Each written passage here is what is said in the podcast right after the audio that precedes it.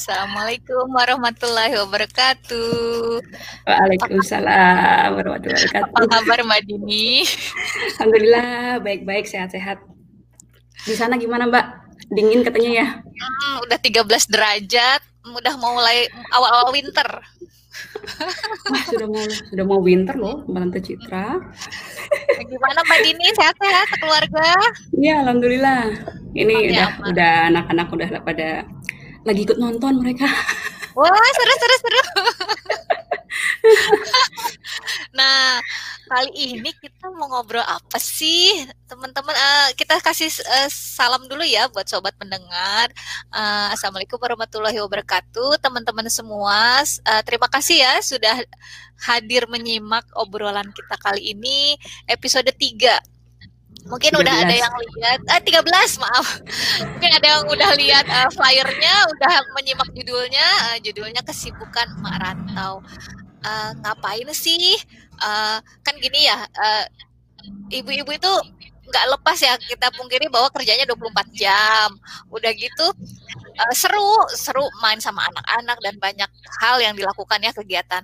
Eh, tapi juga banyak tantangannya gitu. Nah, di episode kali ini apalagi di mungkin eh, episode kali ini tuh kita pengen ngobrol-ngobrol sama tamu eh, podcast Talanan Kayu yang dari Hmm, Malaysia hmm. pengen ngobrol-ngobrol pengen tahu eh, apa sih eh, kegiatannya sehari-hari udah gitu tuh eh, ada tantangannya apa aja terus ada solusi Ah, betul nggak betul yang betul. mana tahu solusinya bisa eh, jadi oh ya saya pengen niru deh cobain gitu ya Eh, mana tahu ada Hmm. jadi tambahan ide dan inspirasi dari eh, dari tamu kita ini udah gitu Iya, ada bedanya eh, kesibukan mamah-mamah di rantau dengan yang di Indonesia gitu kan? Penasaran juga ya apa sama aja gitu kan? Apa sih bedanya? Kayak gitu ya. Nah kali ini betul kita betul betul. eh, kita ini ya kita undang eh, narasumber eh narasumber tamu ya tamu yang jauh-jauh dari Malaysia. Namanya Iya Teh nih. Mm. namanya eh, Teteh Kurmiati biasa dipanggil Teh Ati mari kita undang Undang sekarang ya, Bismillah. Nah sekarang eh, Mbak Dini saya persilahkan untuk ngobrol-ngobrol Halo, Assalamualaikum, Tati. Waalaikumsalam warahmatullahi wabarakatuh, Teh Citra, Mbak Dini. Aduh, ini cerah banget ya, sumringah semua, masya Allah. Ah, iya teh. Jadi em, tadi kan apa namanya Mbak Cita tadi udah buka ya. Jadi Insya Allah ini episode ke 13 kita. Udah panjang ya, Kita- masya Allah. Kita ingin ngobrol-ngobrol tentang ini ya kehebohan kehebohan aktivitas mama rantau gitu. Langsung aja nih Cita ya. di balik layar, hebohan di balik layar. Iya, Tuh. Karena mungkin kan yang tampil di sosial media, kalaupun tampil itu kan tidak sama dengan yang di balik layar gitu ya. Jadi kali ini kita uh, pengen ngobrol-ngobrol tentang di balik layarnya itu gimana sih gitu dan uh, mana tahu sebenarnya tidak jarang teman-teman lain yang merasakan hal yang sama gitu teh. gitu. Tapi mungkin kalau mereka jarang sempat ngobrol sama teman-teman yang lain, kesannya jadi kayak uh, sengsara sendiri gitu ya, gitu ya Mbak Citra ya. Jadi, Iya, iya, iya, jadi betul, harapannya kita ngobrol berbagi gini nih supaya uh, teman-teman tuh dapat uh, suntikan semangat kayak gitu. Oke, mungkin kita buka dengan ini ya Teh. Perkenalan dulu nih. Uh, Boleh, Teteh, boleh, boleh. uh, nama, sekarang berdomisili di mana, uh, sudah merantau berapa lama, terus ini usia anak, usia anak dan aktivitas utama sehari-hari gitu. Silakan, Oke. hati. Mm-mm. Oke, Bismillahirrahmanirrahim. Assalamualaikum, selamat pagi, sahabat podcast Talunan Kayu semua. Terima kasih untuk eh, Mbak Dini dan Teh Citra yang udah ngajak-ngajak saya bermain-main nih di podcast Talunan Kayu pagi ini, masya Allah. Ini jadi mood booster nih buat emak-emak pagi-pagi diajak ngobrol. Iya, Jangan, eh, bawa aja. Kalau istilahnya Bentar Ustadz ya. Bendri, emak-emak biar nggak ngegas pagi-pagi harus ada yang ngajak ngobrol dulu. Ah iya betul, 20 ribu katanya diajakin keluar dulu kali ya. Itu salah satu trik buat eh, mengisi tangki kebahagiaan ibu-ibu. Oke, sahabat talenan kayu semua, perkenalkan uh, nama saya Ati, saya ibu dari olah, lima, lima orang anak. Uh, yang pertama umur 12 tahun, yang kedua 9 tahun, yang ketiga uh, hmm. 7 tahun, mau 8 nanti bulan Maret, yang keempat hmm. 5 tahun, yang terakhir itu baru satu tahun tiga bulan. Masya Allah. Gitu. Jadi Itu anak saya lima. Seru. seru, seru, seru banget, seru banget. Seru banget. Sekarang itu ceritanya saya sedang domisili di Gombak, di Gombak di Selangor ya, uh, wilayah Persekutuan Kuala Lumpur ikut suami sih sebenarnya karena suami yang sedang melanjutkan studi S3-nya di sini di Malaysia. Jadi kita mah ngikut aja gitu ya ke mana suami pergi ngintil weh gitu. Jajak jajak berhijrah. Oke, baik. Kita jalani saja bagaimana sih kehidupan merantau karena sebelumnya belum pernah merantau memang. Kebetulan di sini uh, sudah hampir dua tahun di bulan Mei nanti kita dua tahun Hmm. Baru sih sebenarnya hmm, hmm, hmm. kalau dibandingkan dengan Ibu Dini ini yang sudah 20 tahun merantau itu sudah uh, udah udah udah udah hafal udah fasih gitu ya. Jadi jadi mama rantau. Kalau saya sebenarnya belum fasih jadi mama rantau. Baru soalnya. Gitu teh. Berarti dua tahun. Uh, oh, dua tahun terakhir ya. Berarti kan uh, ini kan sulungnya sulungnya Teh Ati itu seumuran sama sulungnya Mbak Citra ya? Iya iya ya, betul betul. Dua belas tahun. sama sama dua belas hmm, tahun. Laki-laki nih kalau saya laki-laki. Satu kedua itu laki-laki. Oh, saya oh, satu dua laki-laki. Sama-sama dua belas tahun saya juga. Nah, makanya uh. kenapa nanya nanti deh ada pertanyaan tentang Aduh, pertanyaannya apa sih? Sama-sama 12 tahun ya apa? Oh, Aja maaf maaf yang yang perempuan dan laki itu komposisinya um, apa teh? Oh, yang pertama iya. laki-laki. Mm -hmm. uh, yang pertama yang kedua laki, yang ketiga itu perempuan, yang keempat mm. laki lagi, yang kelima baru mm. perempuan lagi. Wah, jadi Jadi iya iya betul ah. betul. Yang ketiga itu seling di, di selang-seling jadinya. Hmm. Tiga empat lima selang-seling. Begitu. Hmm apa tadi ya? Apalagi tadi ya? Oh, aktivitas utama teh. Uh, hmm, hmm. Kegiatan sehari-hari ya sebenarnya nggak jauh beda sih ibu rumah tangga uh, hari-hari yang ngurusin anak, dapur, suami demenin anak belajar dan saya pun sendiri juga belajar gitu. Itu aja. Pagi-pagi. Iya, iya. Ya kegiatan mak oh, normal ini. aja lah ini langsung mungkin langsung ke berikutnya ya. Uh, boleh nggak teh diceritain uh, apa ya agenda sehari-hari tuh biasanya di hari kerja ya, di hari kerja dan bukan di luar liburan sekolah itu biasanya apa aja teh gitu dari pagi sampai malam. ini kayak ah, wawancara. Gak apa-apa ya. Iya deh, saya kayak di ini kayak lagi di interview banyak kerja. loh yang yang yang penasaran sama manajemen waktunya teh hati ya. itu banyak iya ya, saya juga kan waktu pengen juga pengen rame di rumah gitu terus gimana ya gitu Oke oke oke. Sebenarnya kalau bicara manajemen waktu mas, saya juga masih belajar tuh. Jadi tapi ya ini sehari-hari saya aja lah ya.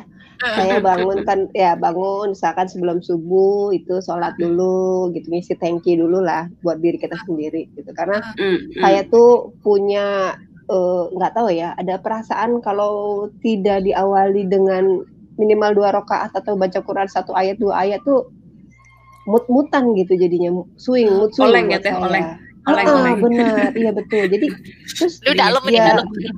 iya mood swingnya tuh mood swing banget gitu. Kayaknya aduh udah uring udah bakalan uring-uringan walaupun saya tahu nantinya walaupun ini harus bisa menyiasati juga ya ketika tidak bisa melaksanakan hmm. itu. hmm. tapi yang hmm. sudah-sudah adalah seperti itu. Jadi strategi saya pertama adalah selalu mengawali dengan itu. Itu sangat sangat sangat ber, sangat inilah terasa banget gitu buat saya. Udah mengawali hari dengan itu terus bangunin anak-anak kan subuh jamaah karena pandemi juga kan nggak boleh ke surau ya. Biasanya kan bapak-bapak dan si cowok-cowok ini dua ini ke surau hmm. biasanya tuh rutin yang cewek sama saya anak kecil sama saya di rumah uh, habis subuh kalau sebelum pandemi anak-anak langsung sekolah saya harus langsung siapin sarapan tuh habis subuh udah nggak sempet eh, nggak sempet buka Quran lagi lah, nggak sem eh, nggak sempet buka handphone pun nggak sempet gitu. Itu kalau Itu sebelum jam, pandemi. jam berapa teh biasanya teh pada berangkat sekolah? Berangkat sekolah itu jam kalau di sini tuh berarti jam setengah tujuh. Uh pagi. Jam tujuh, jam setengah tujuh mereka udah harus siap. Pokoknya jam tujuh seperempat itu udah keluar rumah aja. Mm-mm, mm-mm. Jam tujuh kurang Ini berangkat itu sendiri atau eh maaf sama ayahnya dulu. diantar. Oh. Jadi ah. sejak sejak di sini itu yang nganter jemput ayahnya. Kalau dulu waktu di Tangerang Selatan itu kalau anter saya bagiannya jem pulang Hmm. jem- pakai jemputan Hmm. dari dari ada ada ini ya ada langganan ojek gitu maksudnya. Hmm. Nah itu kalau Pak. Jadi kegiatan saya kalau dulu dengan di sini eh, sebelum berhijrah dengan sudah berhijrah agak berbeda memang. Hmm. Kalau dulu ada hmm. sebelum ke sini tuh ada aktivitas mengantar anak pagi sekolah. Kalau di sini udah enggak karena itu udah ayahnya. Nah udah gitu siapin sarapan, mereka berangkat sekolah. Nah setelah mereka berangkat sekolah, saya eh, bangunin bapak yang kecil kan pasti udah bangun tuh. Udah saya sama Hmm. yang baby sama yang nomor 4 dan nomor 5 udah nyiapin pagi mereka lah yang mandi, terus ya sarapan juga. Terus udah saya mulai main lah sama yang anak yang keempat itu karena usianya kan udah PAUD ya gitu. Jadi mereka dia bilangnya sekolah lima ibu. tahun ya teh. Iya lima tahun. Ah. Sekolah ibu. Jadi Sekolah, sekolah, ya. ibu. Uh, Atap mau sama sekolah sama ibu, sekolah ibu. Atap sekolahnya di mana? Di rumah sama siapa? Sekolah ibu gitu kalau jalan. Aduh, Gitu. itu bangga banget tuh dengernya. Iya, betul betul betul betul. Penghargaan dari anak. Dia tuh iya masya Allah banget ya. Kadang sayanya yang nggak sadar sih astagfirullahaladzim. Iya dia tuh suka protes gitu ya. Kalau saya misalkan, ih ibu nggak rapi saya pakai dasar nih misalkan udah waktunya eh, main sama dia gitu kan waktu sekolah sekolahan gitu. Pakai baju bagus dong bu kan mau sekolah. Ah oke oke. Lucunya. komplain dia kalau saya pakai daster nemenin dia main tuh apa dia tuh lucu gitu. Lucunya. Altaf nih Altaf ya yang lima tahun itu. Jadi Hmm. bekal Altaf mana? Jadi walaupun di rumah tetap ada tasnya Ada ada bekal bekalnya. sama harus sama kayak abang-abang ya bekal sekolahnya. Gitu. Itu pasti diinget terus tuh nanti sama dia udah gede. amin amin Allahumma amin. Kayak gitu sih. Itu sebelum pandemi. Setelah pandemi eh, anak-anak belajar di rumah kan ya. Sekolah ibunya nambah nih muridnya. iya tapi kasihan Altaf jadi bergeser karena saya memprioritaskan abang-abangnya kan kalau Hmm, pagi iya, karena iya, tiga iya. orang tiga orang juga loh yang harus online kadang kalau pas barengan online semua itu yang kadang saya sampai eh keder Kebayang. Ya Allah, iya. gitu aduh kadang ya syukurnya sih tuh abang yang 12 tahun tuh kan udah cukup mandiri ya dia cukup mandiri maksudnya dia udah nggak mau masuk kelas linknya mana terus harus sakit tugas tuh yang mana tuh dia udah bisa gitu udah bisa saya lepas gitu jadi dia Eh, tinggal maaf teh, dipantau-pantau ini aja. kelas Mm. berapa aja ber- berarti ya? Yang sulung kan kelas yang eh yang sulung sulung kelas 6 SMP. Oh, kelas 6 ya? Enggak, kelas Hmm, kelas enam. 6. kelas 6 Hmm. lalu terus kelas 3 lalu kelas 2 Hmm. Ini satu Yang sekolah ya, harus- Teh? satu sekolah di sekolah Indonesia Kuala Lumpur Oh, iya iya iya iya iya. iya begitu Oh, iya iya. Pagi nemenin anak ke school from home itu kan online ngerjain tugasan segala macem. Terus sampai siang. Nah siang baru jatah saya istirahat. Me time saya Biasa- lah tuh ya pegang handphone. Biasanya sampai jam berapa Teh ininya sekolahnya anak-anak? Kalau daring gitu. Eh, jam 11, jam setengah 12 karena nggak selalu daring sih sebenarnya nggak selalu daring. Kadang-kadang nggak tiap hari daring juga. Kalau untuk yang kelas 3 dan kelas 2 itu paling seminggu maksimal tiga kali Oh. Oh, jadi sisanya untuk- kayak dikasih assignment sisanya aja gitu. iya sisanya Hmm. worksheet worksheet aja gitu tetapi kan tetap kita harus dampingin mengerjakan gitu ya Hmm. I- Iya, itu dia.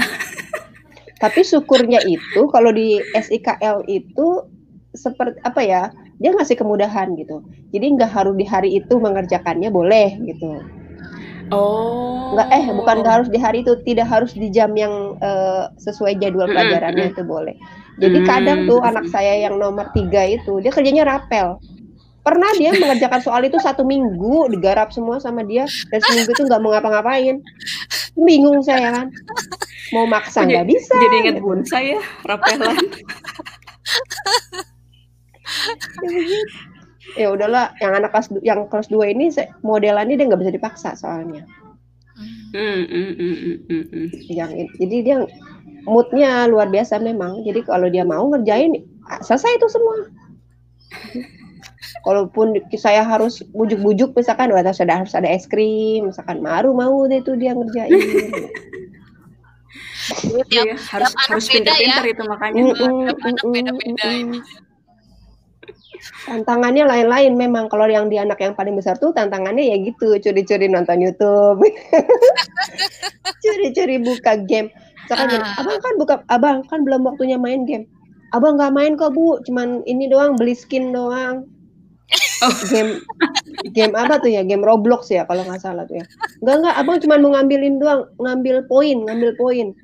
Memang dia nggak main langsung ya Allah dalam hati ya Allah bang kita sama aja bang belum waktunya online bang gitu, gitu. kita tuh udah ngegerutu gitu itu uh, mau tanya nih karena punya ini sama juga ya tantangan sama uh, waktu onlinenya berapa jam? Uh, hari apa aja? Di oh ya dikasih uh, nah di, ini nih ini gak, yang gak? yang mulai ya, jadi uh, tarik ulur sih ya sebenarnya tarik ulur. Cuman kalau untuk waktunya kita fix. Kalau kamu subuh berjamaah di surau kamu dapat 25 menit. Gitu. Mm, -hmm. kalau mm. kamu mau rojaah kamu dapat tambahan 5 menit. Gitu. Mm. Kalau kamu mau rojaah kalau kamu mau rojaah atau ngaji pagi. Karena anak saya yang pertama ini sejak pandemi kebiasaan tidur habis subuh mbak. Itu tantangan banget tuh. Uh sekarang hmm. ini lagi digebrak lagi sekarang ini udah kadung udah ya udah terlanjur dia habis subuh tuh maunya tidur gitu. Jadi sekarang tuh habis subuh gimana nih caranya biar anak ini nggak tidur? Gitu. Hmm. saya tuh sekarang nih saat ini PR-nya adalah itu sama si sulung ini.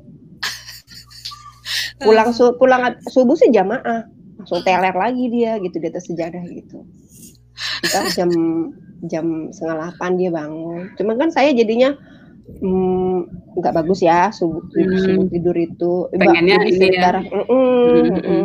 jadi sekarang ekspektasinya diturunin saya nggak yaudah deh bang nggak apa-apa nggak ngaji juga yang penting abang nggak tidur aja dulu hmm. jadi satu-satu step by step lah gitu hmm. saya harus menurunkan menurunkan uh, ekspektasi kan ya sama anak-anak hmm. ya sudah ya. kalau yang lain ya silakan tetap yang tetap ngaji karena anaknya banyak kan jadi kadang juga nggak kepegang sekaligus juga kok mbak kayak ngaji tuh paling seorang dua orang pagi-pagi itu gitu karena yang kalau yang lagi moodnya nggak bagus ya udahlah daripada saya stres juga saya biarin aja yang mau aja dulu saya pegang enjoy iya. dibawa enjoy sih intinya. mau nanya itu sama teh hati maksudnya ngaturnya itu ngatur ngatur kayak gini kan anak-anak ngaji kan uh, perlu nyimak ya gitu cuman kadang-kadang kan uh. kalau uh, menyimak gantian yang nunggu giliran kadang udah udah keburu udah keburu oh, main iya. nah, kayak gitu-gitu loh maksudnya. Iya betul, apakah betul. apakah teh apakah teh hati tiap hari tiap hari jadinya di, digilir uh, di waktu yang sama sama-sama pagi semua atau ya sesempatnya ada yang pagi ada yang sore kayak gitu. Kebetulan kalau di rumah tuh dua kali sebenarnya Mbak Din. Jadi subuh juga, oh. maghrib juga gitu gitu. Hmm. Jadi ada yang jatahnya uh, nambah hafalan atau ngulang hafalan gitu. Dan baca gitu baca terserah mm, mau yang mana gitu. Subuh kalau ke subuh baca berarti maghrib cuman uh, ulang-ulang aja sambil main kadang mereka itu oh. gitu. Jadi pokoknya pokoknya mereka diminta uh, minimal sekali yang satu sesi baca yang satu sesi ini mm, yang ulang hafalan kayak mm, gitu ya. mm, mm, dan saya berdua mbak sama suami harus ya, ada ya, ya. ya. Jadi antriannya uh, antriannya nggak panjang banget. Iya, oh, oke okay, oke. Okay. Saya kalau nggak dibantu sama pacar saya, wassalam deh, megang anak lima, masya Allah.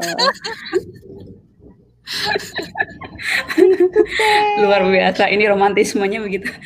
Ah betul.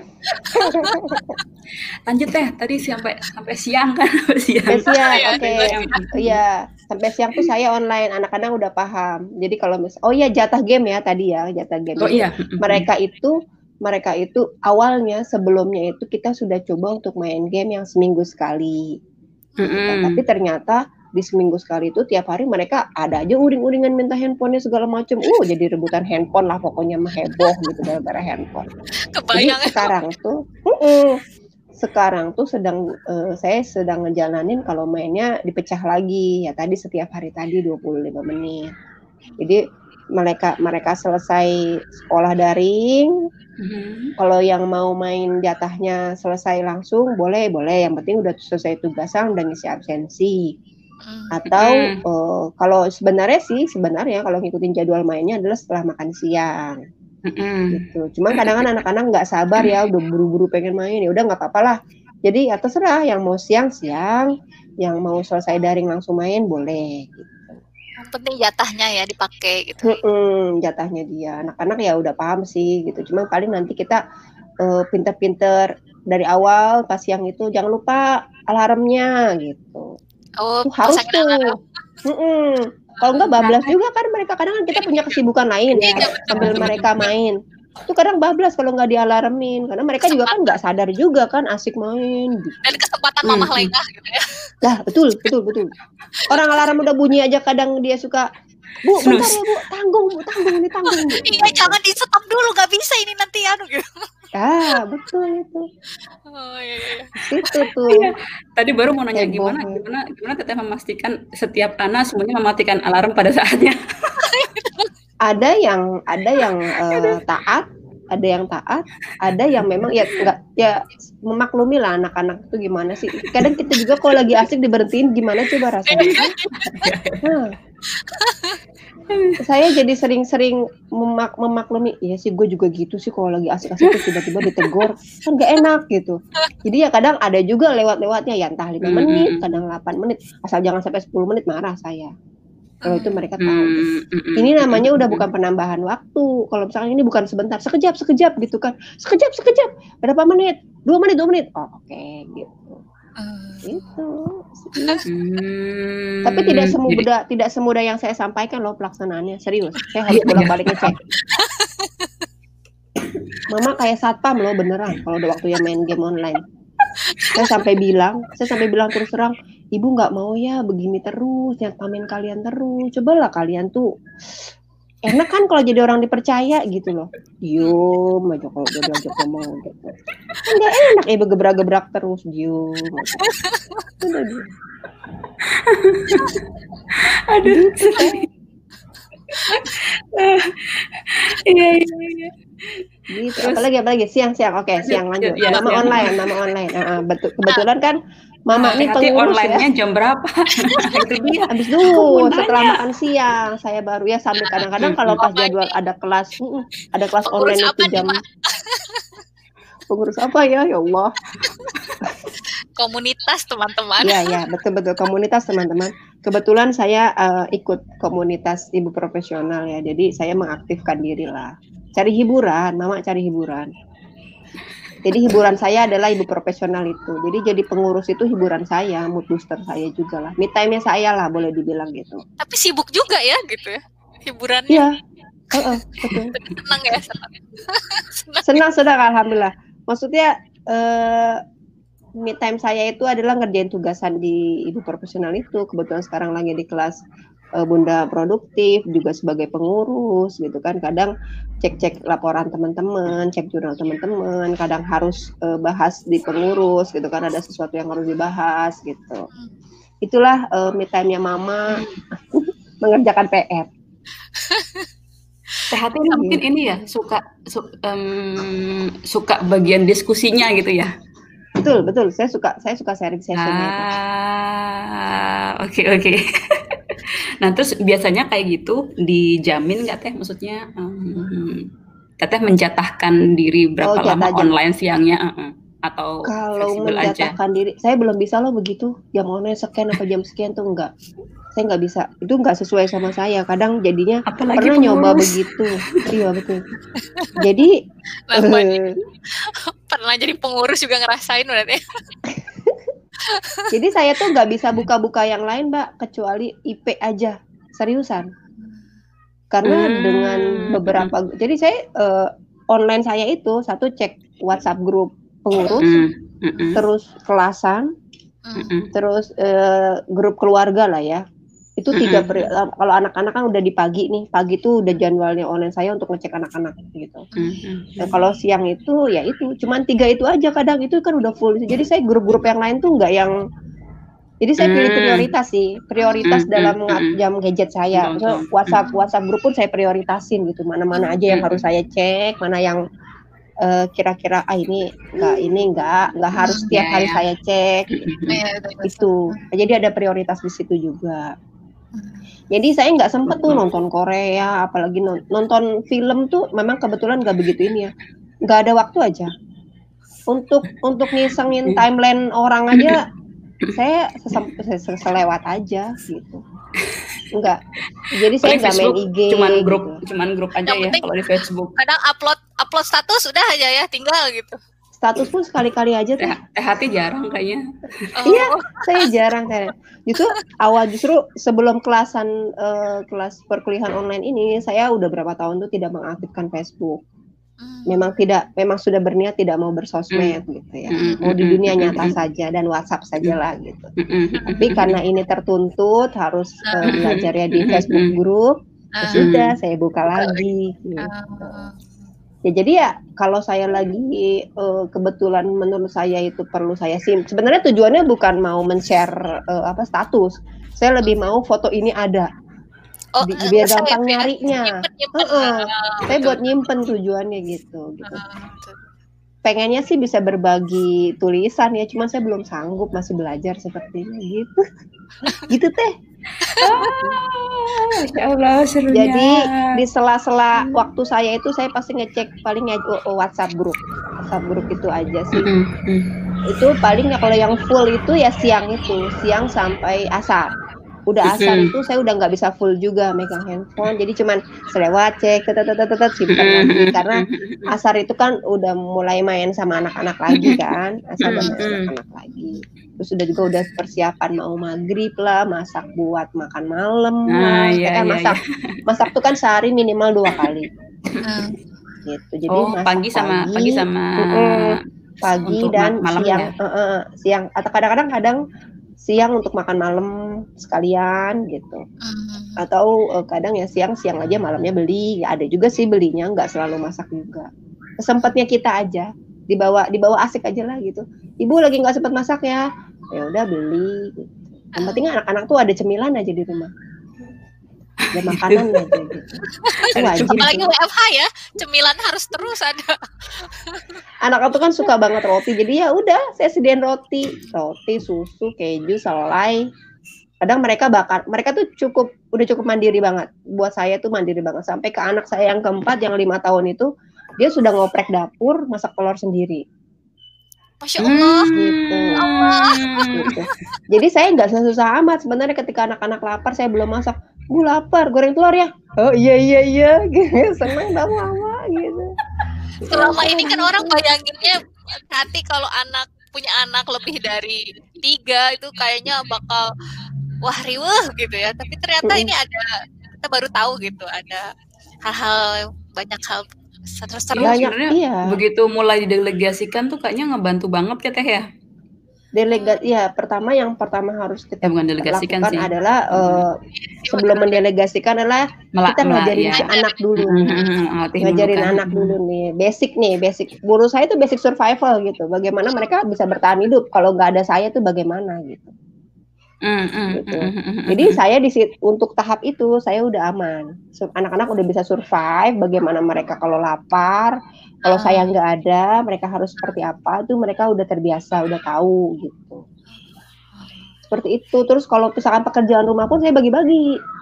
Saya bagi-bagi gitu. Anak yang pertama dia ngambil ini ini saya tanya kan ya oke Hmm. ini rumah sama-sama kita kita harus jaga sama-sama mau ikut bantu di mana mau ikut gotong royongnya di mana silakan ambil peran masing-masing gitu saya tawarin mereka pilih kerjanya ya, mereka pilih. mereka pilih kerjaannya ini ini ini ini, ini. nanti mereka pilih Hmm. Nah, yang abang yang pertama itu lebih milih buang sampah. Jadi kerjaan tiap hari dia adalah buang sampah itu yang setiap hari.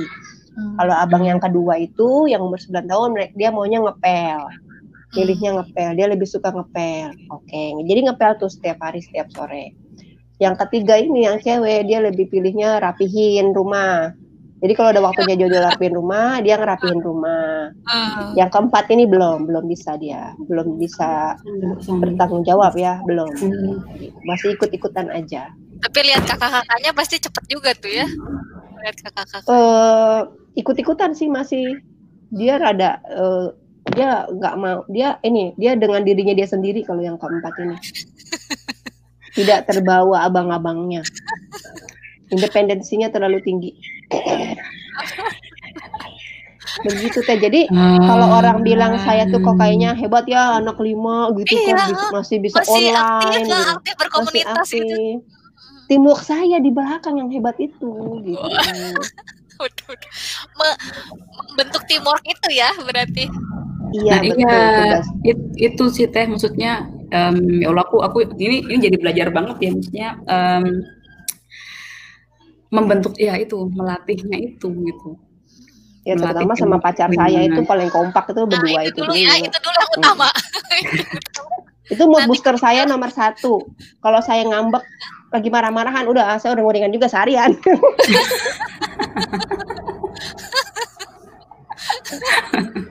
gitu. Jadi kita tuh kita tuh berdua nggak bisa marah-marahan lebih dari sekian jam tuh nggak bisa aja. Soalnya bubar nanti ya rumah. Benar, benar, benar, benar. Itu ya Allah benar-benar kacau sehari itu. Saya bisa marah-marah ke anak-anak kalau misalkan saya lagi di orang Sunda mah bilang dibaudin gitu ya. Dibaudinnya apa? Dimanyunin, dimanyunin. Nah, gitu. di cemberut. Ya kan ada juga ya maksudnya lumrah lah ya bapak-bapak gitu kan Hmm, ngambek. hmm. Kita pun sama gitu. Makanya ketika begitu tuh aduh, itu tuh udah ngerasa yang waduh kenapa nih? Udah udah udah deh. Udah nggak jelas tuh rasanya tuh. Gitu. Lebih parah dari marah ke anak-anak saya mah moodnya kalau dibaudin sama suami tuh kalau dimanyunin sama suami gitu. Makanya nggak bisa aja. Kalau suami manyun tuh nggak bisa. Jadi kita tuh pagi-pagi udah pasti ngobrol bareng dulu pagi tuh. Jadwal pagi kita rutin. Makanya pandemi saya, ya. saya pandemi ini bersyukur loh sebenarnya bersyukurnya pagi saya tuh tidak sibuk dengan eh, harus menyiapkan bekal anak-anak. Itulah bedanya Malah sama ngobrol, pandemi. lebih banyak ngobrol Iya. jadinya. Mm-mm.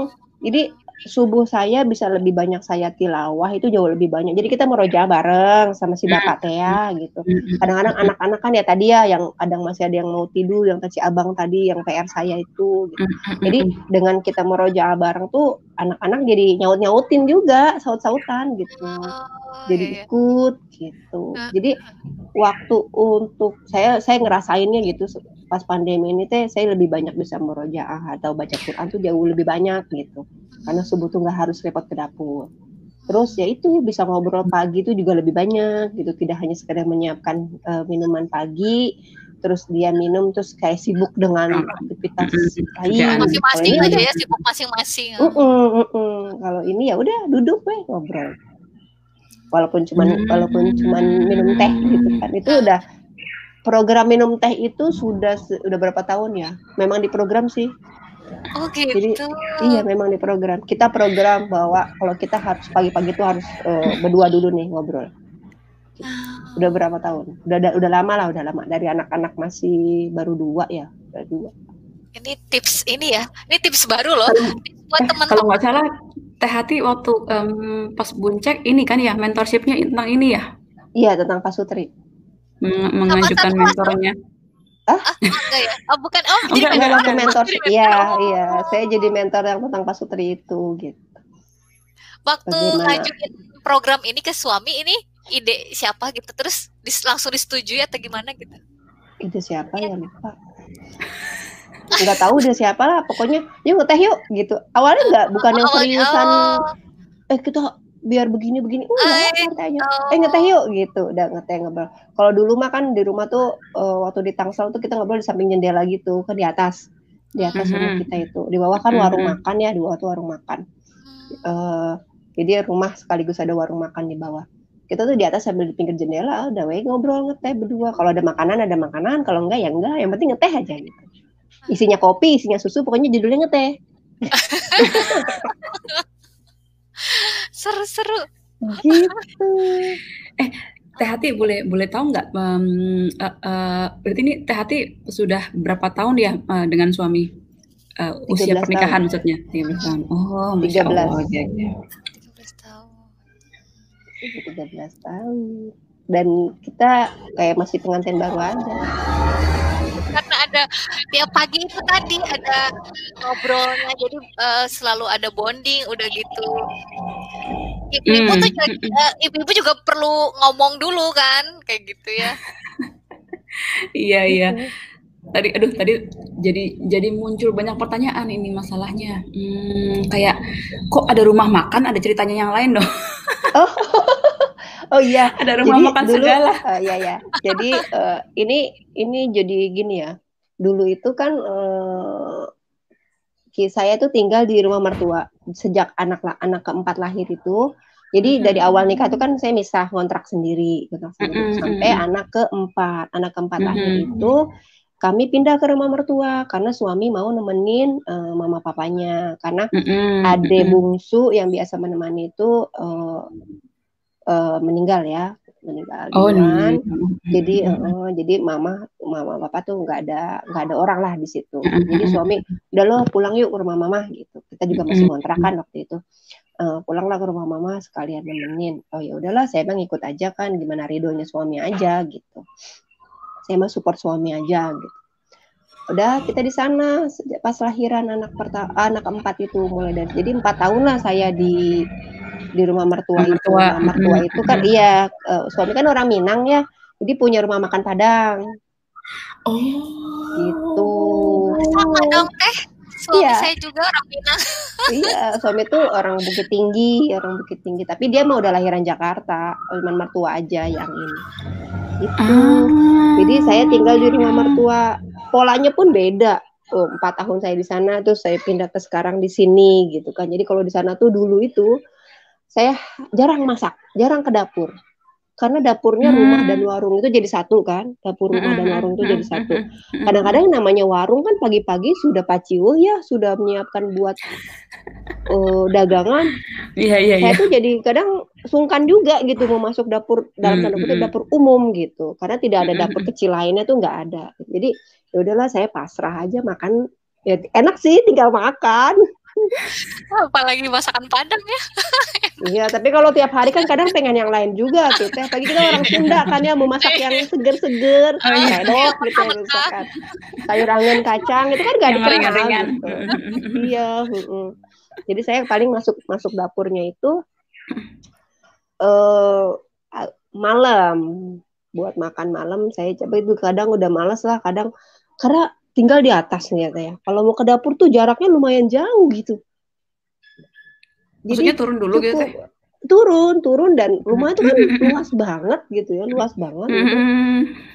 Beneran sumpah, males mau ke dapur. Hawanya tuh udah malas, saya nggak. Padahal saya senang masak, saya hobi masak gitu. Mau cobain resep itu saya hobi. Makanya pas pindah ke sini tuh kayak yang merdeka punya dapur gitu kan, masya Allah. Iya iya.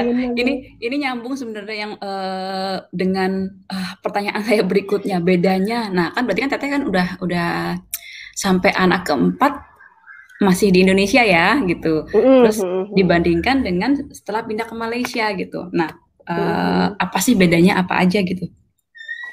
Bedanya ya bedanya uh, kalau secara tugas bukan tugas uh, job uh, kerja sama saya dan suami itu sebenarnya nggak ada beda karena dari awal kan kita udah ngontrak dan kita sepakat untuk hmm. tidak pakai asisten. Saya nggak mau pakai hmm. asisten gitu. Saya lebih baik hmm. memakai jasa jasa dalam tanda kutip misalkan laundry kayak gitu untuk pekerjaan-pekerjaan itu gitu. Uh, lebih ke laundry sih sebenarnya kalau dulu kalau dulu memang saya saya paling nggak suka di area cuci mencuci lipat melipat itu saya paling anti beneran berdamai lah saya tidak berdamai dengan mencuci oh, dengan dua pekerjaan itu apalagi setrikaan. Hmm. boleh tahu nggak alasannya?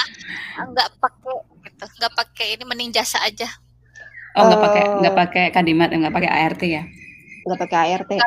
Iya pertama itu dari awal nikah saya sudah bertekad bahwa anak-anak itu harus kita pegang sendiri, tidak ada keterlibatan uh, neni ya, nggak pakai neni. Saya mau coba sendiri walaupun babak belur, masya Allah ya belum punya ilmunya gitu. Jadi anak satu anak kedua teh kayaknya saya ngerasa sekarang tuh ya Allah ini korban pengasuhan yang belum tepat ini gitu. Banyak banget kayaknya dosa pengasuhan saya ke anak satu anak kedua ini gitu.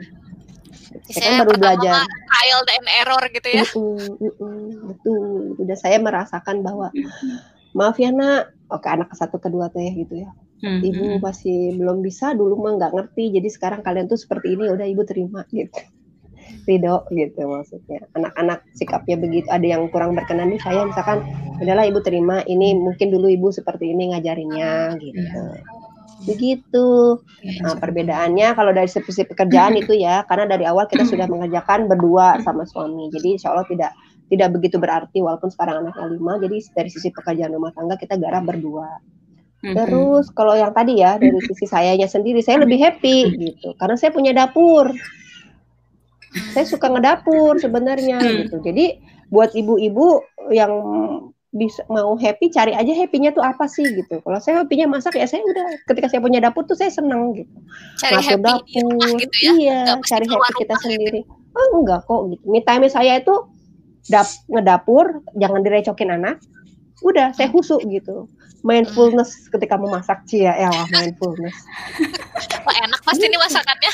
Enak. Terus Terus nyuci piring pun saya suka nyuci piring gitu. Jadi ketika nyuci piring tuh sambil ngeliat jendela tuh kan kayaknya saya jadi kayak sambil sadar nafas gitu loh. Saya benar-benar itulah itu bisa jadi me time saya juga gitu. Saya rilis juga emosi saya di situ gitu. Sadar dengan sadar nafas ya teknik sadar nafas itu ya sadar nafas pokoknya dinikmati betul-betul lah. Saya lagi nyuci piring saya nikmatin si aliran air itu ngalir saya sambil bersihin sambil istighfar sambil sholawat gitu kan. Oh, iya. itu adem buat saya gitu. Atau mikirin aduh ini gitu. kapan? Nanti ini ngapain enggak, lagi? iya. Enggak enggak. Saya enggak mau. Pokoknya udah nyuci piring ngerasain aliran air sambil nyuci piring sambil istighfar gitu ya sambil sholawat gitu. Apa weh pokoknya zikir yang pas keingetan gitu. Itu itu jadi jadi apa ya me time lah buat saya termasuknya. Jadi enak lah. Mood booster saya juga. Gitu. Terus itu apalagi yang berbeda itu? Iya saya di sini bisa mengatur rumah sendiri ya. Pastinya itu jauh lebih mau sekecil apa pun rumah kita ketika kita bisa mengeksekusi ide-ide kita itu kan juga membahagiakan. Jadi pundi-pundi iya kebahagiaan saya itu di sini saya bisa lebih leluasa aja intinya gitu ya kalau dulu mama mertua saya sangat baik. Mertua saya luar biasa baiknya nggak pernah ikut campur saya apa gimana gimana tuh masya allah banget subhanallah banget. Itu saya jadi berkaca bahwa kalau saya jadi mertua saya mau seperti mama mertua saya. Saya sampai begitu loh. Ya baik banget soalnya gitu. Tapi tetap ketika kita maksudnya ini bukan jadi uh, bukan jadi alasan saya untuk keluar rumah dari situ adalah itu ya bukan. Tapi ternyata ketika kita ada di rumah sendiri sekarang saya di Malaysia itu kan harus ngatur sendiri gitu. Punya ide apa dieksekusi sendiri saya mau apa eksekusi sendiri itu lain lagi happynya gitu. Punya dapur sendiri ya, ya, juga lain happynya beda lagi. ada istilah misalkan mau jungkir balik kek di rumah sendiri ini gitu mau salto kayak di rumah sendiri ini iya ya, mau gitu. salto kayak di rumah sendiri ini gitu. itu sampai ada istilah seperti itu tuh iya iya betul gitu. Jadi saya menemukan saya balik lagi lah gitu. Uh, ngerasain lagi bisa ber apa namanya aktualisasi di rumah gitu ya sebagai ratu dapur khususnya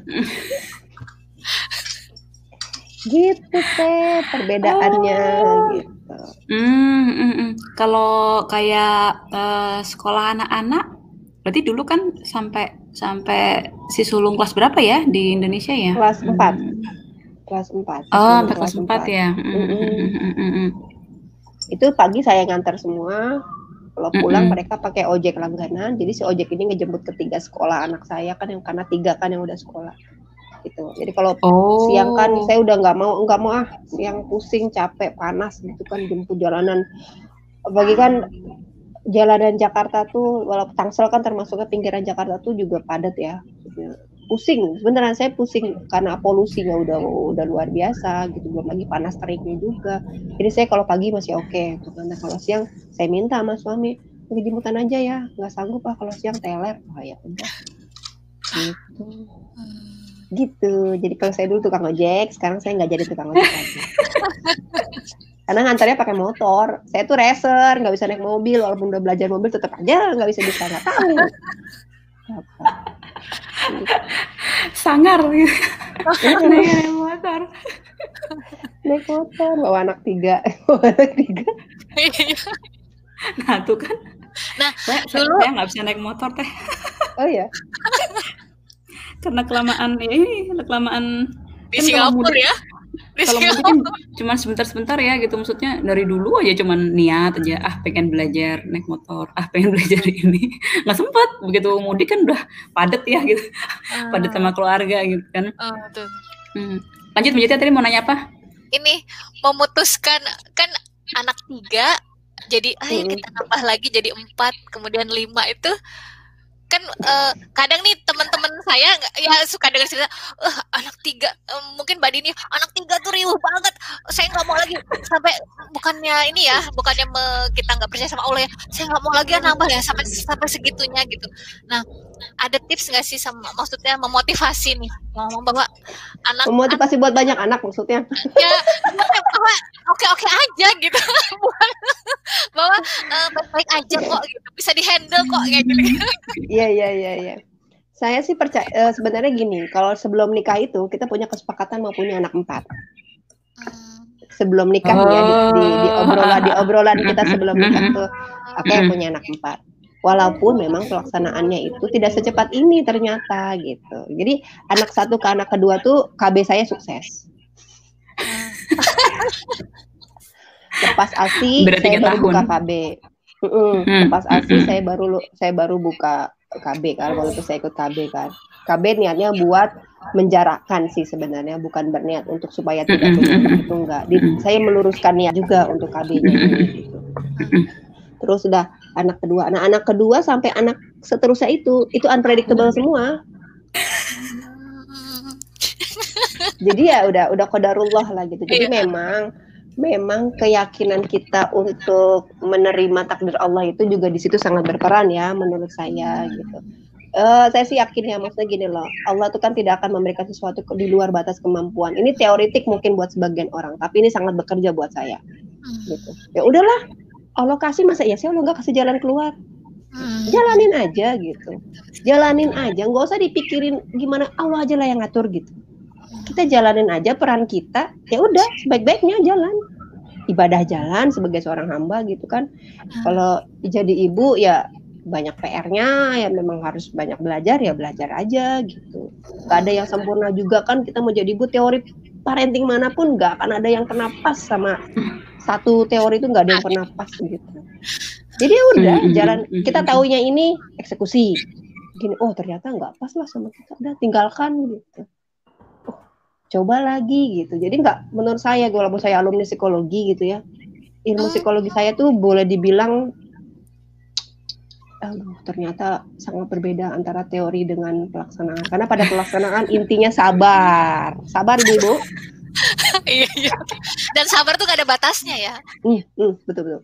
Jadi justru menurut saya yang paling bekerja jadi seorang ibu itu adalah bagaimana kita menata hati kayak harus sabar, ikhlas. Jadi kalau iya, menurut saya tuh justru eh, nilai-nilai ruhiyah itu loh yang sangat bekerja dalam menjalani modal pertama kehidupan ya? emak-emak. Mm-mm, betul, Mbak Din. Modal pertama itu adalah ruhiyah kita loh kalau menurut saya.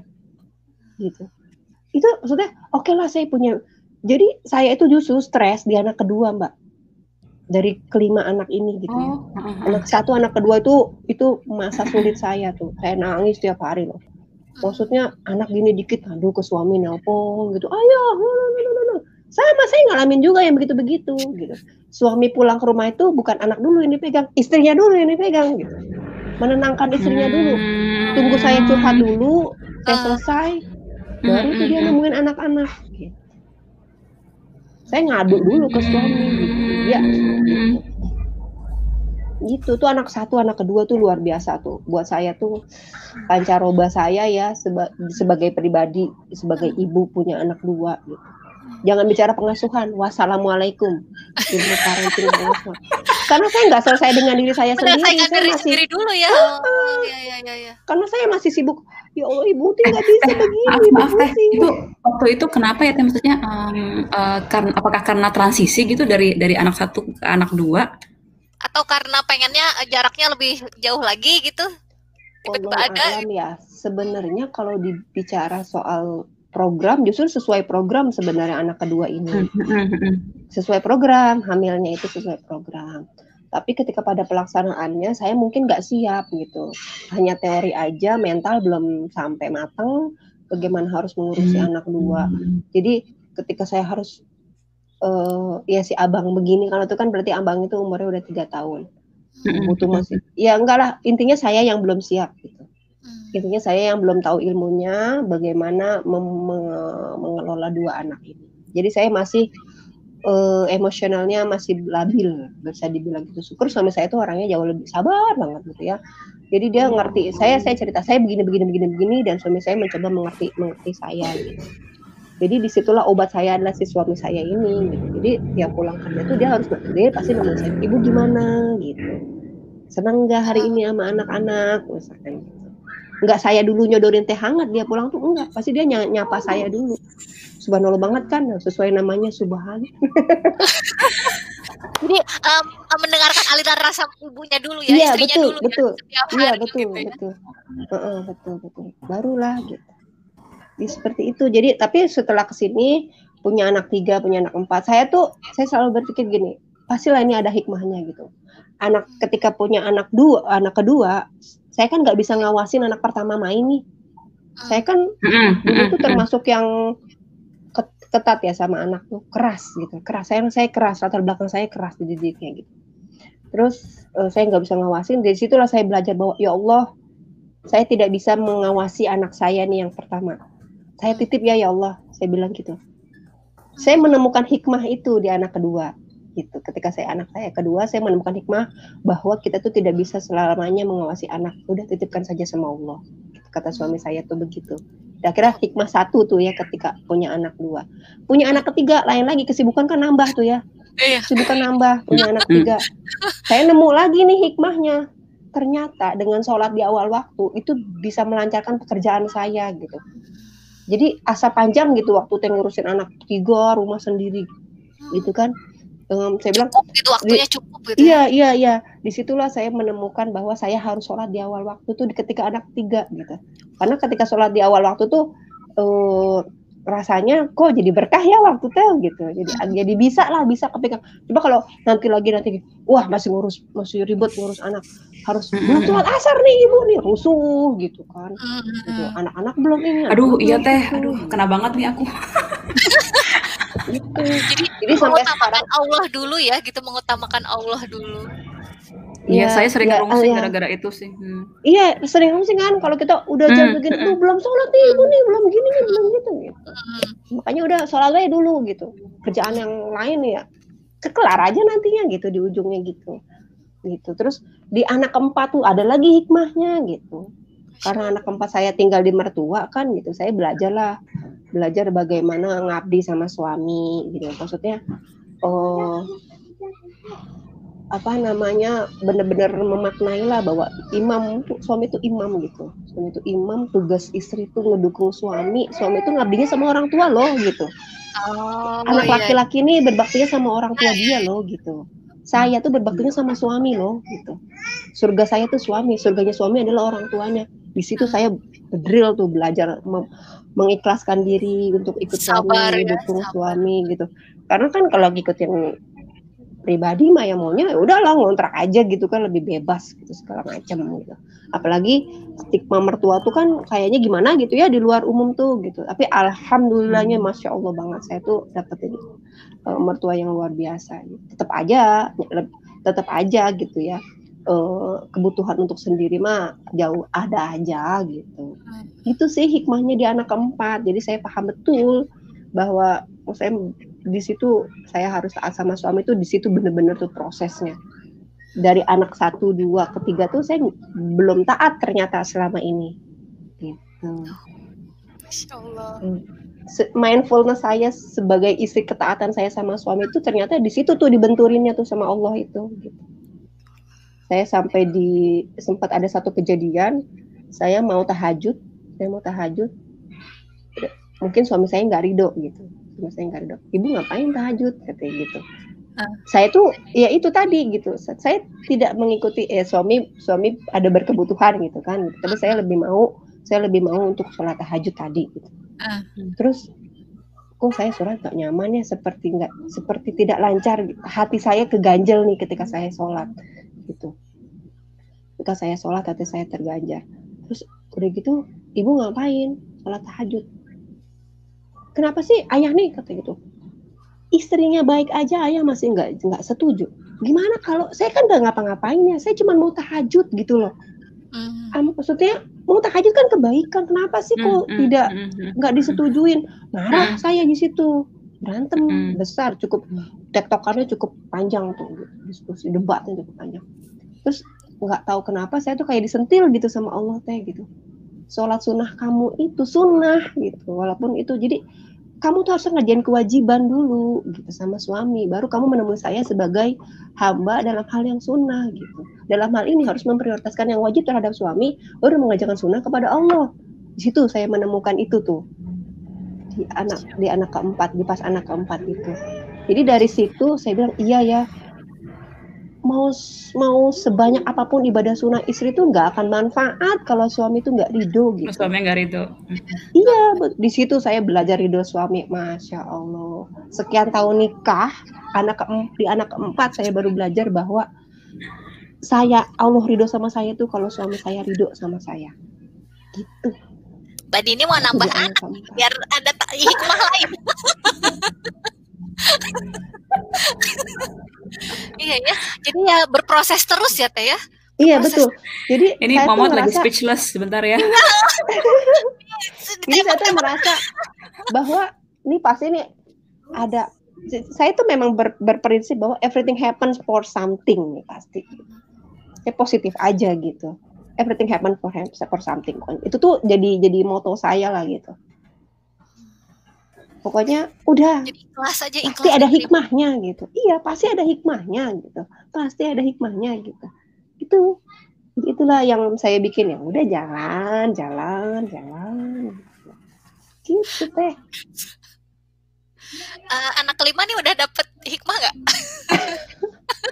Penasaran? anak kelima ini anak kelima saya tuh kan aduh jadi malu kalau yang ini mah tuh jadi kayak membongkar aib nggak sih saya tuh kan uh, tomboy ya tomboy. Saya tuh tahu bener ini saya tuh tomboy. Agak kasar memang saya agak. Jadi kadang saya ingat banget dulu ya Allah ya Robi sanawiyah itu saya kan masuk pondok itu kan alia sampai teman saya bilang wih preman pakai gamis sekarang katanya gitu. Sampai dibilang gitu sama teman-teman saya wih preman pakai gamis. Kebayang kan? Saya dibilang preman gitu sama teman-teman saya. Karena memang saya tuh kayak cowok.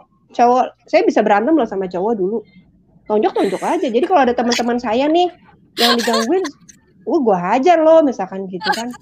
Saya berantem berantem beneran sama anak cowok itu gitu. Ikut nongkrong, ikut nongkrong aja cuek gitu. Pakai kerudung, pakai kerudung. Gayanya tetap gaya laki gitu. Gitu teh. Jadi ya kebayang lah saya ibunya tuh. Jadi saya sempat merasa apa fitrah keibuan saya tuh di mana ya? Ada rasa muhasabahnya tuh di situ. Jadi anak jadi saya tuh tidak lembut seperti ibu-ibu lain gitu. Bahasa cinta saya tuh aneh mungkin ya gitu. Jadi kadang kayak kasihan gitu sama anak-anak. Ya Allah kok ibunya kok nggak lembut ya? Ya Allah. Itu itu di anak kelima teh anak Khadijah itu karena anak perempuan kan. Entahlah jadi saya ikut ke perempuan-perempuanan. Saya pakai kerudung pink hamil dia itu. Bawaan hamil juga kan. Sebelumnya saya nggak pernah mau pakai kerudung pink. Saya senang motif bunga-bunga hamil Khadijah itu. Kayaknya ya Allah ini Khadijah ini mau ngajarin saya jadi perempuan yang uh, yang lembut gitu ya. Ya saya belajar akhirnya, saya terima itu. Enggak saya nggak nolak juga, akhirnya saya pakai kerudung yang berbunga-bunga gitu ya. Saya motif-motif bunga, saya terima, saya tidak menolak. Gitu. Saya tidak, ya udah dinikmati aja. Ya udah di anak kelima ini, masya Allah saya jadi di sini nih saya jadi oh ternyata begini loh mengekspresikan sayang sama anak itu manggil sayang itu teh dulu tuh bisa dibilang saya tuh kaku. Gengsi lah gengsi. Parah kan? Gak tahu gengsi, gak tahu gimana. Entahlah Karena nggak nggak nggak cool gitu ya teh, maksudnya apa ya? Kayaknya terlalu menye gitu kali ya. iya kali ya. Enggak gue banget gitu. Sayang, eh uh, gitu. itu nggak gue banget gitu. Gitu. Jadi saya tuh uh, oke okay. di sini tuh saya masya allah nah sayangku gitu gitu sekarang tuh ya luar biasa saya sedang belajar mengekspresikan uh, rasa gitu sayang ya. ini. Iya mengekspresikan cinta dan sayang saya ke anak-anak. Kalau ke suami nggak usah dibilang lah ya beda lagi kalau itu. Gitu. Gitu begitu begitu. Jadi Masya anak kelima ini mengajarkan saya untuk jadi lebih anggun gitu begitu. Ah ada hikmahnya lah pokoknya tiap anak masya allah banget. Itu saya saya saya ingat betul gitu di hati dan pikiran saya oh anak ini nih membawa hikmah ini anak kedua ini membawa hikmah ini anak ketiga ini bawa hikmah ini. Begitu teh. Udah teh ah jadi nanti bocor semua nih keluar semua nih. Speechless ya. Belajar banyak masya Allah. Ya Allah masya Allah. Uh, tadi kayaknya kalau me time udah ya tadi ya? Hmm, udah langsung ke ini langsung langsung pertanyaannya pertanyaannya Mbak Citra aja ya tentang ini nih Apa tuh? sibling sibling rivalry. Kalau oh. anak berantem, kalau anak berantem, nah ngatasinnya gimana? Biasanya sama teh hati diapain gitu. Hati-hati diapain. Apalagi deket umurnya kan biasanya kan. Aduh, saya tuh jangan niru saya lah teh, saya mah galak. Aduh gimana ya, saya bingung nih nyeritainnya. Nanti ditiru lagi, tirunya nggak bener lagi. Aduh jadi nggak enak nih ceritanya. Eh, ini kan Yaudah tapi kan maksudnya uh, uh, ceritain aja teh. Iya ya. Kan beda-beda okay, itu ya, modelnya anak-anak. Iya siap siap. Sibling itu kan sebenarnya normal ya kalau misalkan uh, dia bersaudara sudah berdua aja itu udah pasti ada persaingan. Sibling kan sebenarnya persaingan berdasarkan dari jadi uh, diawali dari persaingan itulah terjadi keributan-keributan itu. Apakah atau dari yang merasa ini punya aku, ini punya aku, bukan ini punya aku, misalkan gitu. Dari yang sepele gitu, ledek-ledekan segala macam. Nah di rumah saya itu yang paling sering adalah ledek-ledekan. Oh. Jadi si abang ledek-ledekan itu, apulah abang nih, apulah, gitu-gitu tuh, jadi ribut tuh. Gitu. Kalau rebutan mainan, kalau misalkan kayak rebutan mainan itu. Uh, mereka bernegosiasi ujungnya saya ajarin bernegosiasi ya untuk kayak rebutan. Eh, ini ya dari anak pertama dulu deh ya. Hmm, yang anak hmm, pertama, anak kedua ini uh, ini yang yang bisa dibilang uh, lumayan parah sih kalau berantem ya karena memang dulunya juga saya galak gitu ya. Yang saya bilang di awal gitu kan saya tuh merasa punya dosa pengasuhan di anak satu anak kedua karena sayanya galak. Dan saya tuh dulu asap wajib jangan ditiru. Semoga Allah mengampuni saya ya. Saya tuh enteng tangan teh kalau dulu itu. Itu pertobatan saya lah ya di anak ketiga ke sini di anak satu anak kedua tuh masih jadi korban tangan yang saya. Ah sedih saya jadi mau cerita ini. Jadi anak satu anak kedua itu kasar. Kalau berantem dan pukul memang gitu. Tapi ya nggak selalu memang tidak selalu gitu. Jadi kalau misalkan anak pertama, anak kedua ini, anak pertama, anak kedua ini sensitif orangnya, kesenggol dikit aja dia langsung yang, mm. langsung begitu tuh matanya. Dia ngerasa diusik dikit, dia diusik dikit aja, dia lagi asik apa, kita nyenggol misalkan keinjak kakinya gitu, dia langsung aja begini. Nah, udah udah mendelik dia tuh matanya dia tuh, dia udah nggak suka tuh kayak gitu. Nah, kalau kita responnya panas, oh jadi dia tapi kalau kita misalkan maaf maaf maaf maaf nggak sengaja misalkan gitu. Nah, kadang kan itu di anak pertama tuh tidak ada ya kesadaran untuk itu. Orang nggak sengaja kok gitu. Ngotot ya karena dia mempertahankan ini kan gitu, berantem. Nah, akhirnya udah saya kalau udah lihat situasi begitu, udah udah udah langsung saya gituin kan. Udah gitu, jangan sampai ribut. Udah tenang tenang, sipar sipar sipar saya gitu. Saya komporinnya begitu. Nah, kadang penggunaan bahasa ini juga pengaruh. Kalau misalkan udah kadang kalau salahnya gitu ya dulu tuh suka ayo terus terus terus. Gak berhenti ya? Gak berhenti iya mana? Maksudnya kan bilang terus itu kan nyindir ya biar berhenti oh, iya, iya. gitu kan. Tapi kan gak diterik salah gitu gitu. Saya belajar juga oh nggak boleh ternyata bener juga ya, ya gitu. terus ayo terus gitu. Kapan ngeberhentinya? Ayo terus misalnya. Saya jadi marah gitu. Saya menyikapinya dengan marah kalau dulu gitu. Kalau sekarang enggak. Gitu ya? Uh gitu. Kalau sekarang udah udah udah udah udah udah udah. Nih, ini berkelanjutan nih, panjang nih. Saya udah tahu bakalan panjang. Ini panjang nih. Kalau nggak ada yang mau ngalah, ribut ibu nggak mau tanggung jawab ya. Ibu nggak mau ikut ikutan. Udah. Udah tuh kalau adem ya adem. Kalau berlanjut nih, kadang kalau udah beneran berantem, udah saya udah nyerah deh tuh. Panggil ayahnya. Hmm. buat misahin karena tenaga cowok kan anak kecil kan tetap aja ya Iya, betul. gede, Gede. gitu. Jadi saya sih antisipasinya di Iya, ketika iya. mereka awal mula tuh udah gini, udah udah jangan berlebihan, jangan berlebihan, dah stop stop stop, bukan yang terus-terus ganti kata-katanya saya ganti. Hmm. Udah udah damai damai damai, saya bilang, saya tuh depoin aja, ibu nggak mau ya ribut-ribut, ibu nggak mau ya ribut-ribut, saya tekenin tuh begitu. Saya bilang apa maunya saya, ibu nggak mau ya ribut-ribut, jangan sampai berantem, ibu nggak mau yang kalian berantem. Itu cukup satu dua, eh, kalau untuk tensi yang rendah itu bisa mel- langsung melerai. Tapi kalau udah panas, udah sampai beneran berantem, udah saya turun tangan juga memisahkan itu. Pisahin, satu masuk kamar, satu di luar. Gitu. Harus dipisah, kalau nggak dipisah ya mereka lirik-lirikan terus. Terus, nggak berhenti. Nggak berhenti deh, beneran. Sampai udah, kadang saya bilang, udah punggung-punggungan, satu madep sana, satu madep sana. Pokoknya harus dipisah aja. Gitu. Harus dipisah. Pokoknya ketika anak itu pisah langsung gitu biar adem masing-masing. Jadi eh, kasih jeda biar dia adem masing-masing gitu. Udah. Dingin ya, kepalanya. Mm-mm. Udah dingin baru saya korek gimana ini ceritanya sampai begini. Gitu. Baru dia cerita versi masing-masing kan belum masih masih panas tuh saut-sautan lagi. Tunggu antri saya bilang gitu. Saya antri gitu. Tunggu satu versi cerita satu udah selesai baru versi cerita satu. Jadi kan dari situ kita punya punya punya komprehensif ya lebih komprehensif kita tahu titik masalahnya tuh makanya saya kalau udah jadi ribut besar gitu udah panjang tuh udah bisa harus meninggalkan semuanya harus mengklirkan itu sampai selesai dan itu panjang abang ini kan udah jago debat dua-duanya Hmm.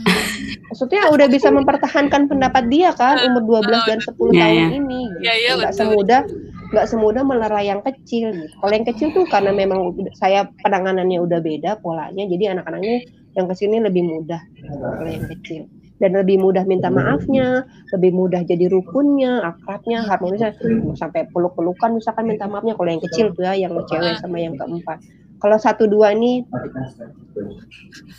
sama kayak saya kaku. Jadi saya menerima juga sebab saya dulu begitu gitu. Jadi daripada daripada gue stres, ini anak Oh, gue iya, gini iya. kenapa? Saya menerima Terima aja aja. Hmm. gitu. Sambil Bang, ayolah Bang, kita sama-sama perbaiki gaya bahasa kita. Karena eh, saya itu terbiasa dulu kalau orang Sunda bilang tuh sosorongot popolotot gitu. Kalau ngomong tuh sospol gitu. Keras, ngomong tuh marah gitu kan. Sampai saya tuh awal nikah tuh berantem mulu sama suami gara-gara itu loh. Saya sebenarnya bukan Intonasi mulu, gitu tapi ya, ga- intonasi. iya betul, betul teh. Suami saya tuh terkaget-kaget gitu walaupun dia orang Minang tapi dia nggak nggak sekasar saya ternyata. itu dong Biasanya orang Sumatera gimana, orang Sunda gimana biasanya? Ya enggak sih, maksudnya kan kayaknya kalau Sunda tuh kan terkenal harusnya ya, harusnya itu kan eh, somea gitu ya, lembut. Saya mah enggak gitu. Sunda KW. Maaf ya Sunda, ya Allah maaf. Itu bukan membicarakan suku ya Allah bukan. Ini masalah kembali ke kebiasaan keluarga sih sebenarnya. Gaya komunikasi ini memang betul sangat betul. Jadi PR saya sekarang itu adalah membenahi pola komunikasi terutama dalam intonasi suara. Saya pun belajar udah satu tahun. Ya sejak dibuncek sih sebenarnya. Sejak dibuncek ikut kelas eh, emosi itu rilis emosi. Oh iya betul. Ya harusnya dari bonsai juga udah diajarin ya komunikasi produktif gitu kan waktu di kelas bonsai itu. Tapi itu tidak tidak tidak efektif buat saya. Nah ketika dibuncek justru berawal dari manajemen emosi inilah saya jadi bisa bagaimana berkomunikasi dengan baik dengan emosi yang baik gitu. Begitu. Jadi sekarang itu memang sedang menggalak. Saya sampai bilang ke anak saya ayolah perbaiki yuk gaya komunikasi kan ibu juga lagi belajar kok gitu. Terutama di anak satu anak ya, kedua. Sama-sama Iya. belajar. saya sampaikan gitu ibu ibu mau belajar memperbaiki gaya ibu ngomong. Ibu nggak mau marah-marah lagi. Ibu nggak mau begini lagi. Anak-anak diem sih gitu. Jadi cukup terlihat perubahannya di anak satu anak kedua. Yang biasanya kalau ini langsung ngegas gitu kan senggol bacok banget anak satu anak kedua ini. Masya allah banget Hmm, gitu. persis emaknya dulu persis emaknya dulu saya menerima kok Aduh. seru banget seru banget Eh, banyak pelajaran ber- dan di Buncek dan Bun Pro ini jadi ngomongin komunitas kita ya kelasnya itu Mm-mm. memang bikin ibu itu jadi berlebih berkembang, lebih belajar. Jadi efeknya memang jadi ke anak ya. Jadi uh, Eh, kita iya iya iya. kelasnya tuh fokus ke diri kita sebenarnya ya, tapi nanti ya efeknya jadi lebih baik lah mengurus keluarga juga. Betul betul karena eh, tapi ini saya baru rasain sejak di kelas Bunda Cekatan loh teh sebenarnya di sampai di Busa itu saya belum bisa merasakan Hmm. dalam tanda kutip manfaat ya dalam tanda kutip maksudnya manfaat gitu ya. Karena ternyata diri kita tuh belum dibenahi Nah, itu mau menyelesaikan diri kita Gitu. dulu ya. Heeh, gitu. Jadi ternyata sejak di itu kan saya punya mind mapping, saya mau apa Iya. gitu. Jadi di mind mapping itu saya mind mapping itu kan saya bikin kanya akadede gitu ya. Itu Hmm. dari ke suami, ke diri saya sendiri dan ke anak-anak gitu. Hmm. Nah, kalau ke suami itu alhamdulillah istilahnya eh, sudah makin baik juga kalau kata suami gitu kan. Eh, istilahnya sudah inilah eh, sudah tidak pokoknya udah berbeda lah kalau kata suami saya itu udah alhamdulillah gitu ke suami saya itu. Udah tambah solehah kalau kata suami saya gitu. Udah tambah taat kata dia gitu alhamdulillah amin. Nah ke, ke diri sendiri dan ke anak-anak ini. Anak-anak ini yang saya PR banget itu kan karena saya punya pengasuhan lama yang tadi saya bilang itu gitu. Nah tapi ternyata dengan saya mengenal diri saya sendiri saya happy gitu kan malah keluarnya itu yang jadi dengan dengan dengan kita happy-nya kita tuh kita jadi enjoy gitu. Ngadepin anak apa pun ragamnya gitu. Ya jadi kita tuh dengan pikiran kepala yang adem gitu kita nggak emosi juga gitu ngadepinnya. Ya yang berasa tuh ya itu manajemen emosi itu. Sangat sangat terasa tuh di saya itu itu nah tinggal PR-nya adalah manajemen waktu saya teh yang belum. Gitu saya harus belajar bujo mata citra oh kemarin udah ya nah, Iya betul. Gitu, Kadang Teh. manajemen waktu sama emosi ini memang erat ya teh ya. Maksudnya mm, mm, mm. kalau dua manajemen ini udah lancar tuh dan saling berkaitan gitu ya. Kalau kita Mm-mm, udah mm-mm. beresin emosi, biasanya waktunya jadi juga jadi lebih enak gitu ya ngatur ya waktu. ya Kalau betul ngatur betul waktu betul enak, emosi juga jadi lebih adem Mm-mm, gitu kan kalau hari-hari. Ya, coba waktu pas puncak itu saya lebih memprioritaskan emosi ya, karena saya harus selesai dulu nih. Kalau saya waktu itu yang prioritasnya adalah gitu, begitu. Itu ibu-ibu ceritanya. Itu seru banget. Eh, terakhir deh, pertanyaan terakhir ya. Eh, Oke oke. ada rencana ke depan lah sebagai diri sendiri dan sebagai ibu tuh apa sih harapannya ke depan gitu? Oh, kalau itu masih panjang ya kayaknya. Kalau saya sebagai diri sendiri sih, yang pasti saya ya, saya tuh masih pengen hmm, doain ya.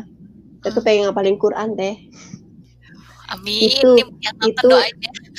itu yang sampai sekarang tuh belum nemu secara fix gitu karena sudah mencoba kemarin sudah ikut tahfiz online tapi ternyata juga terbentur karena dengan jadwalnya tuh berbenturan dengan jadwal online anak-anak. Jadi saya udahlah saya legowo saya harus mundur juga gitu. Terus saya nyoba juga setoran hafal Quran sendiri sama teman.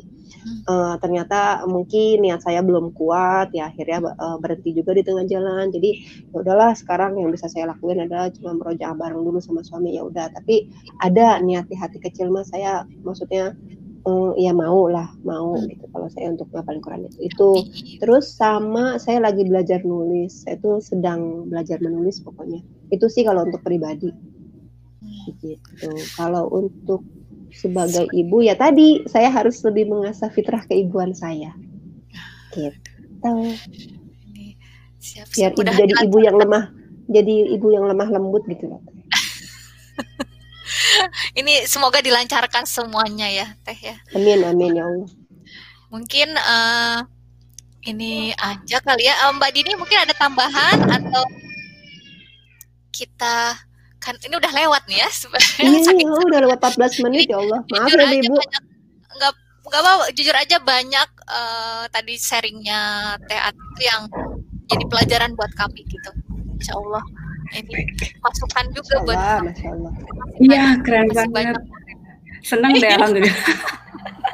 Alhamdulillah ya. banyak Cuma hikmah cerita-cerita doang. banyak solusi banyak solusi ide gitu kan terus eh, Atau mungkin ini nggak boleh, boleh, boleh. Mungkin saya baca, eh, bacain. Ketahuan kan nyatet ini. gak apa-apa aku nyontek Tadi tuh ada ada beberapa yang em, eh, yang Teh Hati udah sharing tuh ya. Em, Nah, saya dapat 9 poin di sini. Wow, Masya Allah. Iya, tuh kan. boleh, boleh, boleh di-share. Tuh, jadi uh, tadi Teh Hati mulai dengan ini pertama um, uh, di pagi hari Teh Hati tuh berusaha charge, charge ruhiyah dulu gitu ya. Hmm. Jadi um, antara uh, entah sholat dua rakaat atau tilawah minimal satu halaman gitu. Tapi intinya memulai dari berusaha memulai dari situ dulu gitu. Terus um, kedua Teh Hati bilang um, cari happy-nya kita gitu. cari yang cari kegiatan yang buat kita happy nah tadi kan kalau teh hati um, karena suka masak bahkan momen pada saat mulai punya dapur sendiri itu bikin itu benar-benar bikin bikin happy banget gitu ya.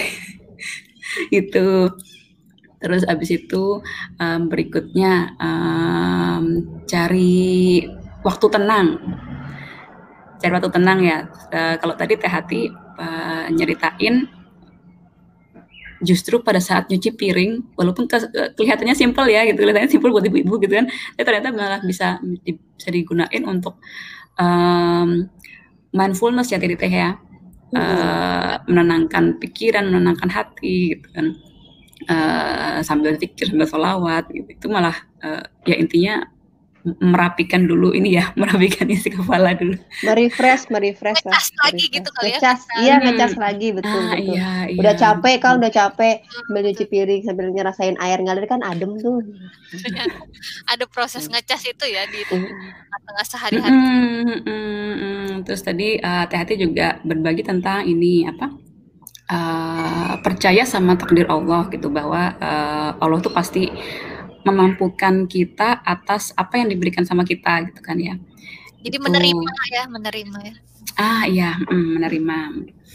Ada acceptance gitu ya di situ ya. Terus kemudian um, berikutnya adalah tentang uh, ini um, menata hati gitu ya. Jadi intinya kalau buat ibu itu sebenarnya uh, pada akhirnya itu basicnya perlu menata hati ini ya gitu. Menguatkan ruhiyah kita balik ke sabar ikhlas. Nah itu itu itu yang jadi modal besar gitu. lalu uh, apa nih? Oh komunikasi dengan suami gitu. Uh, tadi tadi kan tadi sharing tiap pagi merutinkan seenggaknya ngobrol dulu gitu kan ya sama sama mm ada momen ngeteh bareng ngobrol dulu sama suami gitu ya ma, apa ya ya menyamakan menyamakan ini ya kondisi hati kali ya. Iya, menyapa, saling menyapa, lebih lebih lebih untuk mengisi tanki aja sih sebenarnya saling menyapa. Gimana Di Bun Bro mungkin uh, icebreaker dan Ah, iya, betul betul betul. Check in, check in. Check in ah, check in ah betul betul betul. Perlu cek sama suami. Mengalirkan rasa gitu ya. Betul. Terus kemudian uh, ini apa kita perlu memahami bahwa uh, sebagai ibu kita nggak bisa setiap saat mengawasi dan memonitor tiap anak gitu ya. Tadi Hati bilang Sini, uh, kita perlu percaya dan titipin sama Allah juga gitu. Titipin yang melibatkan Allah. Allah lah pokoknya saya sih hmm. lebih ke situ yang melibatkan Allah dari setiap keputusan apa pun. Saya sampai ngajarin anak saya kan untuk membeli beli robuk hmm. itu saya bilang abang ngasih horo aja dulu gitu. Apa ini baik buat abang? Saya suruh soro dia seminggu. Nanti baru kasih tahu jawab apa hati ibu yang membolehkan gitu. Ngajarin. apa hati ibu yang Allah rubah untuk mengizinkan abang beli robuk atau abang oh. yang berubah nggak jadi beli robuk kita nggak pernah tahu. Ibu juga tidak menolak di awal. Saya bilang gitu. ya betul oh, sih. betul betul betul, betul. ya. Terus ini berikutnya adalah uh, mengawalkan sholat, ya kan? mengawalkan sholat. Jadi begitu kita berusaha untuk uh, uh, mendahulukan Allah gitu, insya Allah Allah bantu bantu bikin yang lainnya jadi beres gitu ya setelah setelah, setelah itu belakangnya gitu. Uh, terus uh, tadi yang terakhir ini sih uh, apa? Belajar lagi um, menambah pemahaman diri kita tentang ini ya konsep konsep ketaatan pada suami gitu ya teh ya. Betul. Eh ngomongnya agak pelan-pelan nih.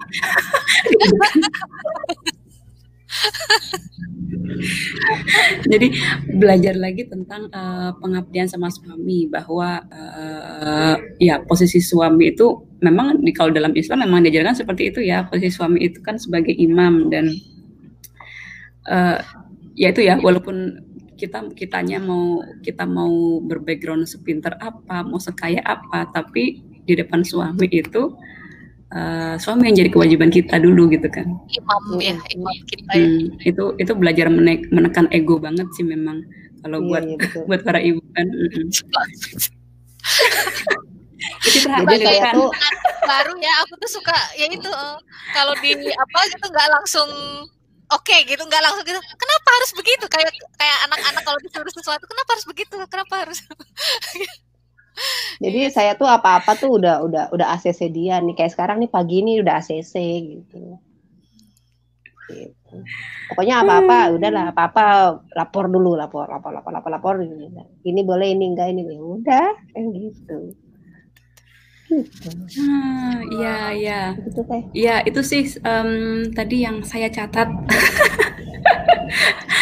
Mbak Citra monggo kalau ini kalau ada tambahan-tambahan lain. Tambahannya ini sih uh, bahwa uh, ini setiap anak tuh membawa hikmah buat kita ya.